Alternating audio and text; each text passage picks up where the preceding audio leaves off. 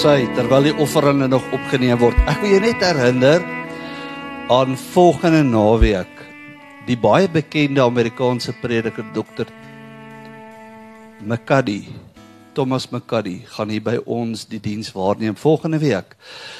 Ons besef baie mense vra, "Jeg, maar so in die middel van die winterskoolvakansie terwyl die opkomste op sy laagtepunt is, hierdie bekende spreek in ons gemeente, maar ons glo dit gaan 'n reuse verskil maak. En dis ongelukkig die enigste naweek wat ons hom by ons kan kry terwyl hy hier in Suid-Afrika is. En hy's regtig iemand wat binne die Amerikaanse konteks opstaan vir die evangelie van Jesus Christus. En jy gaan hom so geniet. So moet asseblief nie Sondagoggend volgende week misloop met Dr Thomas McCurry van North Carolina in die FSA en jy gaan hierdie oggend gaan 'n invloed op jou lewe hê.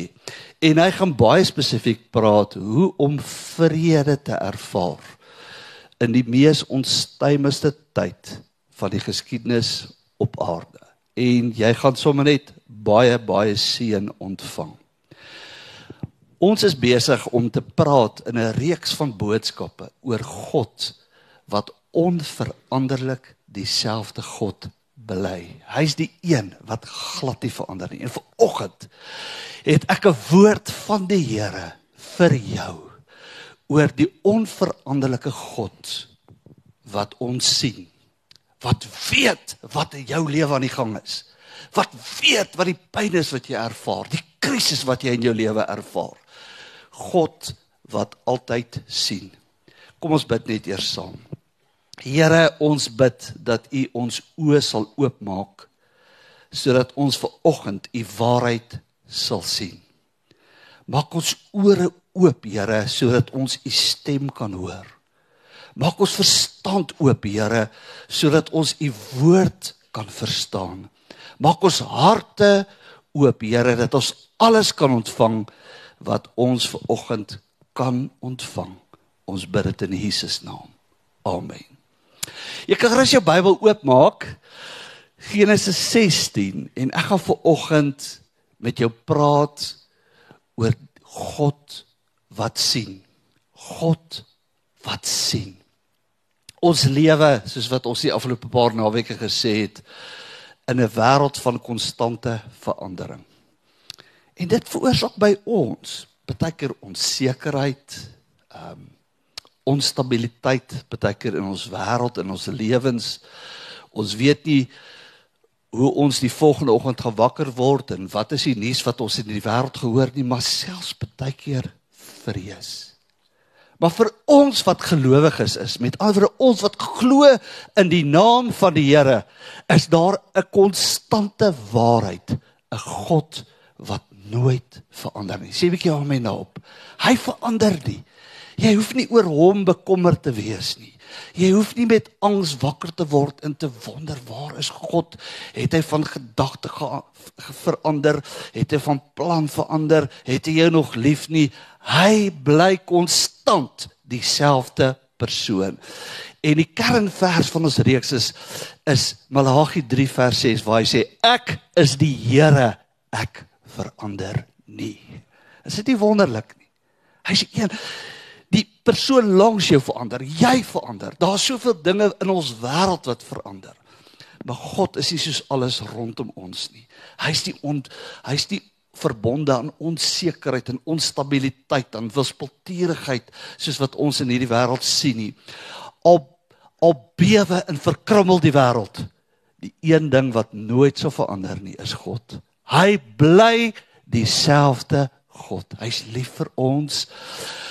Hy gee vir ons om en vanoggend gaan jy hoor, hy sien jou lewe raak. God sien altyd. Daar's nie 'n ding wat God nie sien nie. Daar's nie 'n ding wat jy vir hom kan wegsteek nie.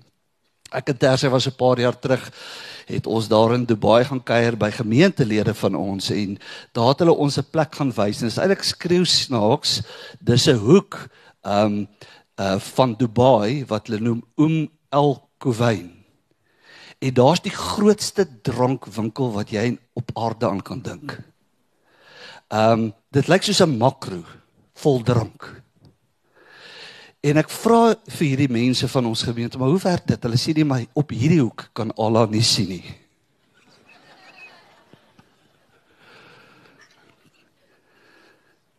Ek dink as dan sê ag ek eer God dat ek 'n God dien wat alles kan sien.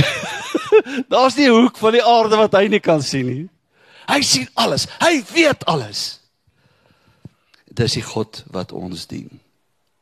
Dis 'n een eenvoudige waarheid, maar kragtig. Die skrywer van die Hebreërbrief sê daar's geen skepsel onsigbaar vir hom nie.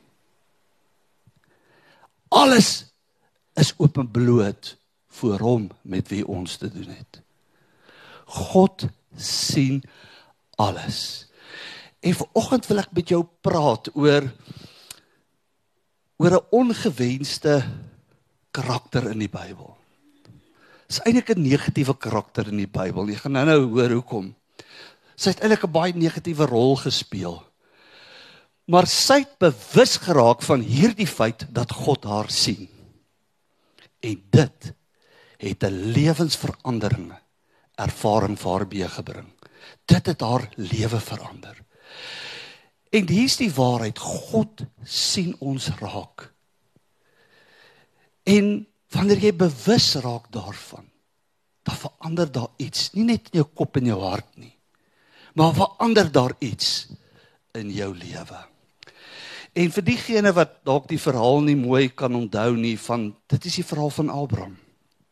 Abraham wat um 90 jaar oud geword het. Hy het deur hierdie krisis met homself gegaan dat God het aan hom 'n belofte gemaak, maar die belofte is op 90 jaar nog nie vervul nie. En hy is nog steeds kinderloos. En sy vrou Sara hier kom na hom toe en sê Abraham, ek het 'n Egiptiese slaafin Hagar. Miskien moet jy met haar 'n baba hê, dan ons ten minste 'n aangenome baba in ons huis, 'n aangenome kind in ons huis. En Abraham maak die verskriklikste fout van sy lewe om saam met haar te gaan slaap en Hagar word swanger. En onmiddellik sê die Bybel het daar spanning in die huis van Abraham gekom. Waar Hagar het amper wil ek sê het veragtend opgetree hoogmoedig opgetree teenoor Sarai wat nie 'n kind kan hê nie wat in die oosterse wêreld waar Abraham geleef het is 'n teken van God se seën op 'n vrou as hy 'n babatjie kan hê. As hy nie 'n babatjie kan hê nie, is dit so half 'n vingerwysing na hierdie vrou dat sy kort die seën van die Here en daar raak Hagar swanger in die Sarai nie. En onmiddellik, jy kan jouself sommer die spanning in daardie huis aanvoel waar Sara hier ongelukkig begin raak. En by by Abraham begin neel en sê maar kyk hoe hanteer hierdie slavin van my my? En waar Abraham eintlik moed opgee en vir Sara sê man doen wat jy wil met Hagar.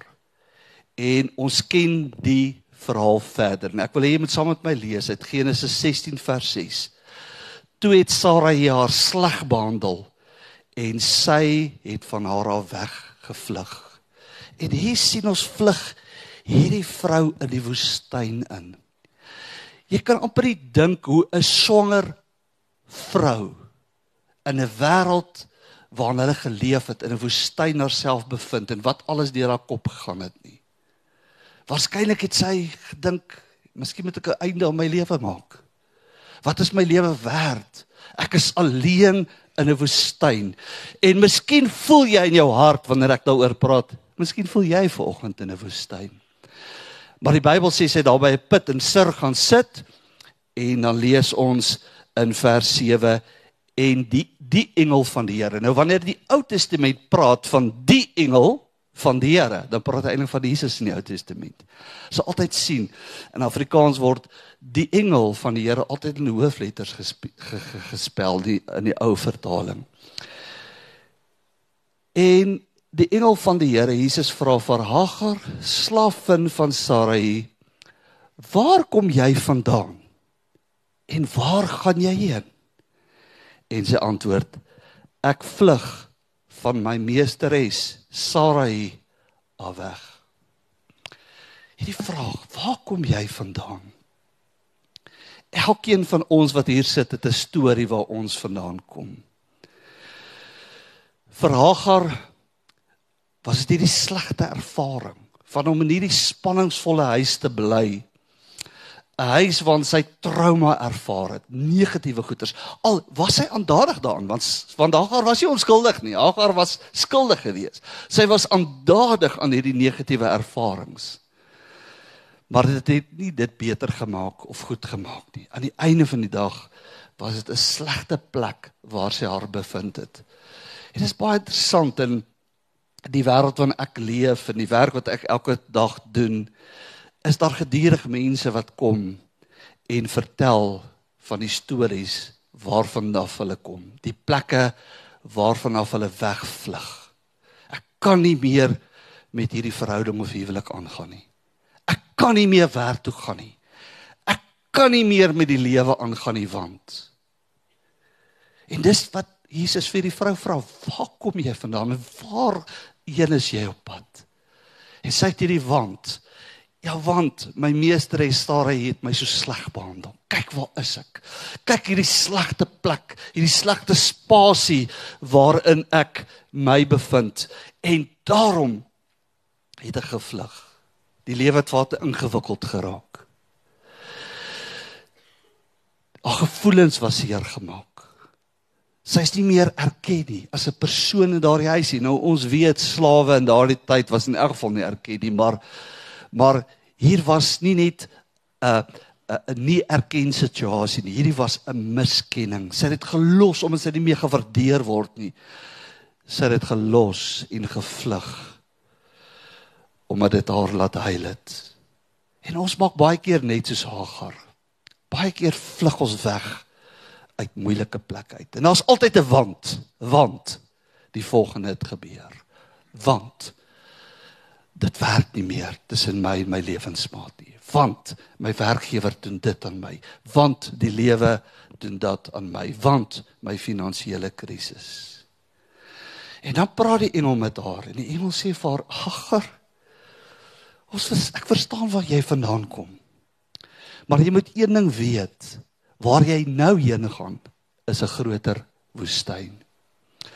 Hoeveel keer het ek dit, dit nie al my lewe gesien hoe mense die grootste foute maak in tye van moeilikheid en krisis nie. Jy weet, ek het 'n beleid in my eie persoonlike lewe, 'n reël waarby ek nie verbykom nie. Wanneer ek moedeloos is, wanneer ek kwaad is, wanneer my emosies buite beheer is, wanneer dit vir my voel of dit die einde is, neem ek nooit 'n besluit nie, want dit is konsekwent altyd die verkeerde besluit. Is dit waar? As jy in 'n krisis is, moet nooit 'n besluit neem nie wag op die Here. En en Hagar het hierdie verskriklike ding gedoen.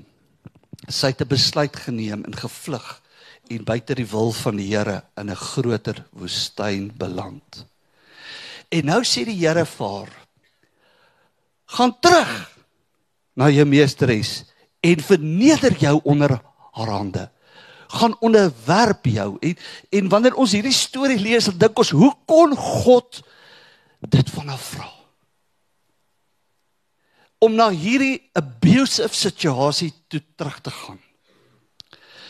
Want God wil dit wat moeilik is gebruik om vir haar te onderneem en te voorsien. En dis baie keer vir ons moeilik om te verstaan. Maar dit is baie keer hoekom die duiwel, hoekom die vyand ons wil oortuig om te vlug. Want jou voorsiening is baie keer daar waar dit moeilik is. In my lewe, ek onthou die tye wat ek hierdie groot besluite wou gemaak het oor groot goed in my lewe. Het die grootste wonderwerke gebeur wanneer ek gebly het wanneer dit moeilik raak. Dis nie lekker om dit te hoor nie. Om terug te gaan na daar waar ek swaar kry. Want dit is nie 'n kwessie van tyd en God sal vir jou voorsien. God wil vir jou daar onderneem. 'n Ding wat ons baie keer vergeet is dat moeilike tye sê nie dat God afwesig is nie. Moeilike tye sê nie daar's fout met jou noodwendig. of die keuses wat jy gemaak het is verkeerd nie. Moeilike tye is vir jou 'n verleentheid, maar as God se geleentheid om iets groots te doen. Maar nooit uit moeilike tye het weghardloop, net omdat dit ingewikkeld, moeilik en seer is nie. Daar's so 'n Psalm uh vers in Psalm 46 wat sê dat God is vir ons 'n toevlug en 'n sterkte. As hulp in benoudhede is hy in 'n hoë mate be, beproef. Sa Hagar hoor, sy moet teruggaan en sy moet haar self onderwerp. Die Here het nie gesê hy gaan hy gaan Sarai se hart verander nie. Hy gaan die omstandighede verander. Hy sê net vir haar: "Gaan terug en gaan onderwerp jouself." Want God wil vir jou Hagar voorsien in jou moeilikheid. En en hier is die ding en ek wil dit weer onderstreep. As jy uit jou moeilikheid uit weghardloop, hardloop jy vir God weg. Vlug jy weg van jou voorsiening want God wil vir jou voorsien in jou moeilike tye. Is altyd mooi, jy weet, wanneer ons daar in Israel kom, dan dink ek altyd daaraan dat die beloofde land vir Israel het gelê agter die mure van Jerigo. Agter die moeilikheid, agter die reëse. God plaas jou seun in die hande van iemand wat geen waardering vir jou het nie. Want dis die God wat ons dien. Hy kan maak dat jou vyand jou seën. Hy kan maak dat dat in 'n woestyn jy 'n oase ontmoet. En die ervaring was vir vir Hagar so groot dat sy 'n verklaring gemaak het en ons lees dit in vers 13 van toe af het Hagar die Here wat met haar gepraat het genoem die God wat my sien. Want sy het gesê ek het die een gesien wat my gesien het. Sy het 'n ontmoeting met God gehad. Nou in die in die Afrikaanse vertaling staan daar nie eintlik dit doen nie eintlik reg aan aan wat eintlik wat Hagar gesê het nie. In die Hebreëus het Hagar eintlik gesê ek het El Roi gesien. En El is die naam vir God Almagtige en Roi is sien. En dit is waar een van God se name vandaan kom. El Roi, die God wat sien. Ek het hom gesien wat my gesien het. Ek het die Almagtige een gesien. En weer eens sy teruggegaan na hierdie huis toe. Sarie se hart het nog nie verander nie. Nog niks het daar verander in die omstandighede nie. Maar sy het teruggegaan met hierdie bewustheid. God sien my raak. God het 'n plan vir my lewe. God is op reis met my lewe. Vir iemand wat nog altyd misgekyk is, vir iemand wat nog nooit waardeer is nie, nog nooit 'n kans gehad het nie, by wie almal nog net verbygestap het gedink het haar tyd sal nooit kom nie, het daar vreugde gekom toe sy besef het God sien my. Die Here het ver oggend vir jou hierdie woord gegee. Ek glo hierdie woord is God se woord vir jou. El Roi, God sien my. Die almagtige een sien my. Miskien sê jy ek het nie geld nie. Maar God sê ek sien jou. Jy sê dalk ek het nie 'n titel nie, ek het nie 'n naam nie. God sien jou. Daar's soveel slegte mense in my wêreld. God sien jou.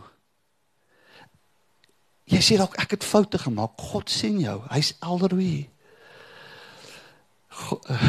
Jy weet Jesus sê by implikasie, Abraham sien jou nie raak nie. Sarai verag jou. Jou omstandighede mag vernederend wees. Maar onthou God sien jou. Elroy. En ek voel die woord van die Here vir jou vanoggend is jy moet 'n bietjie dit gaan neerskryf. Jy moet dit 'n bietjie sê vir jou omstandighede. Jy moet dit bietjie vir die duiwel sê. Jy moet bietjie vir jou vyand sê. God sien my. God weet van my. Die vyand kan my nie vernietig nie. Elroy. En elke dag moet jy dit begin verklaar. Ek sal nie negatief raak nie want Elroy Ek sal nie in my woestyn sterf nie, want Elroy God sien my.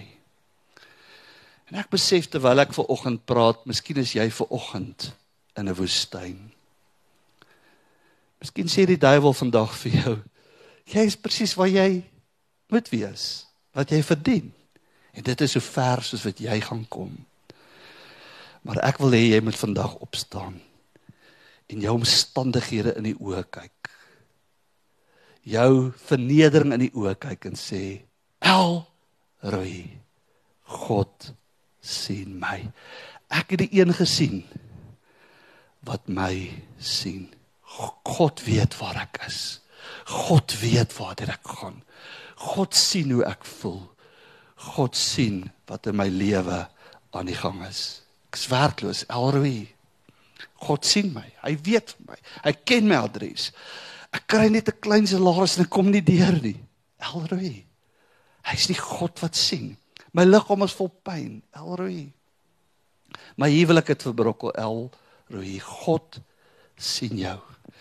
En die mooi van hierdie gedeelte is God het nie net gesien waar sy is in 'n woestyn en 'n krisis in haar lewe nie. God maak op die plek vir haar 'n belofte ek sal jou nageslag grootliks vermeerder sodat vanweë die menigte julle nie getel kan word en ons weet die nageslag van Hagar haar seun was Ismael. Dis die Ismaelite dit is die Arabiere vandag die moslems van vandag. En dit het gekom van 'n plek. En hierdie gedeelte is my so pragtig. Dit is my so mooi want dit sê iets van Man, al het jy alles in jou lewe verkeerd gedoen, is daar 'n God wat jou sien. As jy na daai God toe kan draai en hom kan sien wat jou sien. El Roi, is hy die almagtige een wat jou lewe kan verander. Hoe kan daar grootheid uit swakheid uitkom? Hoe kan daar grootheid uit wanhoop uitkom? Hoe kan daar grootheid uit uit teleurstelling kom? Ek sê vertel hoe as jy hom sien wat jou sien. Dis die sleutel. Jy moet hom sien wat jou sien. God weet alles. Hy sien elke ding raak. Maar hy sien elke persoon wat hom raak sien. En dis die fokus van aanbidding soos vir oggend. Dit is nie om 'n liedjie saam te sing nie.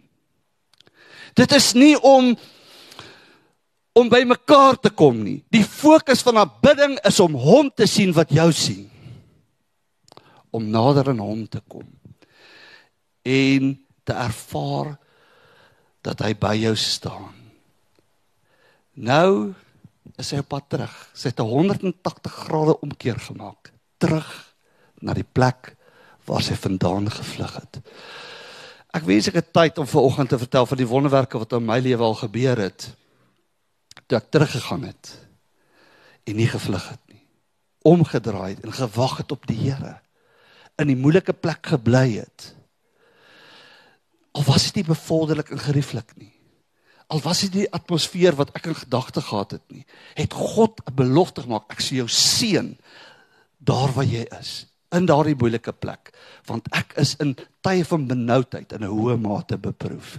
Sy het 'n omkeer gemaak en sy het teruggegaan en sy het ervaar God sien my.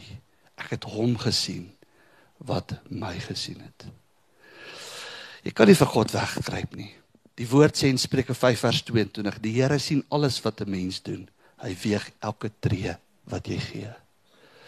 En vir oggend hoef jy nie te wonder of die Here weet wat jou adres is, weet waar jy is, weet waartoe jy gaan nie. Jy hoef nie vir die Here te sê, Here, ek ek ek ek het dit nodig nie. Daar's 'n skrif, daai skrifgedeelte wat ek nou vir gelees het in Hebreërs 4 vers 12, die die boodskap vertaling sê God weet alles wat in die wêreld aangaan. Dis nie vir God te vertel nie. Jesus het self gesê dat dat dat voordat jy vir God vra, weet hy wat jy nodig het. Die sleutel in hierdie vers is dit wat sy gesê het, gesê het ek het hom gesien wat my gesien het. En vir oggend is dit God se uitnodiging dat jy hom herken en raak sien en hom ervaar en beleef. Ek het een keer hierdie wonderlike ding met my gebeur in een gemeente kom 'n vrou na my toe. Eindelik het 'n persoon na my toe gekom en gesê in daai spesifieke diens het ek 'n ontmoeting met God gehad. God het my lewe verander. Ek het hom gesien. En 'n ander vrou sê presies teenoorgestel. Sy sê ek het in daardie diens het my gevoel of God afwesig is in die kerk. Ek dink dit is jou preek. Ek dink dit is die musiek. Ek dink dit is dit. Ek dink ek dink dit is ander mense se skuld en omstandighede se skuld dat ek God nie kon sien nie. En ek moes dit vir haar sê. Die probleem is nie by God nie, die probleem is by jou. Terwyl die woord uitgegaan het, het jy by die venster gesit en uitkyk. Jou kop was nie hier, jou hart was nie hier nie. Jy het nie na hom gesoek wat na jou gesoek het nie. Jy het hom nie gesien nie. En daarom het jy nie ervaar dat hy jou sien nie en dat hy by jou is nie. En vanoggend weet ek dat hierdie's 'n woord vir jou of ten minste vir iemand in hierdie kerkgebou. Wat wonder, ken die Here my adres? Wie die Here van waar ek waar ek gaan, wat in my lewe nie gaan is, wat my krisis is. Elroy. Ek het hom gesien wat my gesien het. Kom ons buig ons hoofde in gebed. Here, dankie dat U die lewende God is. Dat U die almagtige een is. Dat U nie is soos ander afgode en soos Allah en soos ander wat beperkte insig sig begrip het nie. U is die een wat almal sien. En wanneer ons U sien, verander ons wêreld. Ek wil bid vir mense vanoggend wat deur moeilike dinge gaan in hulle lewe. Wat soos Hagar voel, ek is hier in 'n woestyn en ek is alleen en dit voel vir my daar's geen hoop nie. Dit voel ook vir my daar's geen hoop, geen God in hierdie wêreld nie. En Here, U nooi hulle uit om U te sien wat hulle sien. En dit daar waar jy is vir oggend. Ek kan nie uitnodiging nou rig vir jou om na vore te kom nie. Ons gaan nog nagmaal bedien. Maar ek wil vir jou bid vir oggend dat jy hom sal sien wat jou sien. Net daar waar jy is vir oggend, as jy gebed nodig het, wil jy nie net vinnig jou hand opsteek nie. Ek wil net vir jou bid vir oggend. Verskeie mense se hande wat opgaan. Wat sê ek wil hom sien wat my sien. Ag Here terwyl daardie hande op is in die lig sien hulle raak ontmoet hulle soos wat u vir Hagar ontmoet het Here verander hulle lewe wêreld Here maar begin by hulle eie harte nie by hulle omstandighede nie laat hulle u sien Here wat hulle sien sodat hulle kan verklaar dat op 'n muur in hulle stilte tydkamer plak en sê Elroy, hy het my gesien want ek het hom ontmoet. Here dat alle lewens vandag anders sal wees, Here. Omdat U hulle ontmoet het in 'n woestyn. Omdat U hulle oorwinning gee in hulle moeilike tye, in hulle krisistye, gee U vir hulle die oorwinning. En ek wil bid Here dat U elkeen van hulle sal seën. Elkeen van hulle sal ontmoet en Here dat hulle 'n groot nageslag sal hê in terme van 'n groot getuienis sal hê van wat U in hulle lewens gedoen het. Ek bid dit vir oggend in Jesus naam. Amen. Mag die Here jou seën. As jy behoefte vir gebed het, asseblief moenie uitstap uit die diens uit. Jy kom na die tyd hier na vore. Ons wil graag saam met jou bid. Ons wil graag saam met jou vertrou. Ek gaan nou vra die persone wat die nagmaal gaan uitdeel, dit vinnig uitdeel terwyl ek dalk net 'n skrif lees hierso waar Jesus gesê het as iemand my liefhet, sal hy dit ter harte neem wat ek sê en die Vader sal hom lief hê en ons sal na hom toe kom en by hom woon. En dis sommer net 'n skrif wat weer bevestig. Elke Sondag gee ons 'n woord van die Here vir jou. 'n Woord waarvoor ons gebid het, waaroor ons gebid het. En as jy God liefhet, sal jy ter harte neem wat hy vir jou sê en die Vader sal jou lief hê en die drie enige God sal jou toe kom en by jou kom woon. Dan sal die teenwoordigheid van God in jou lewe wees. So kom ons deel gou-gou die nagmaal.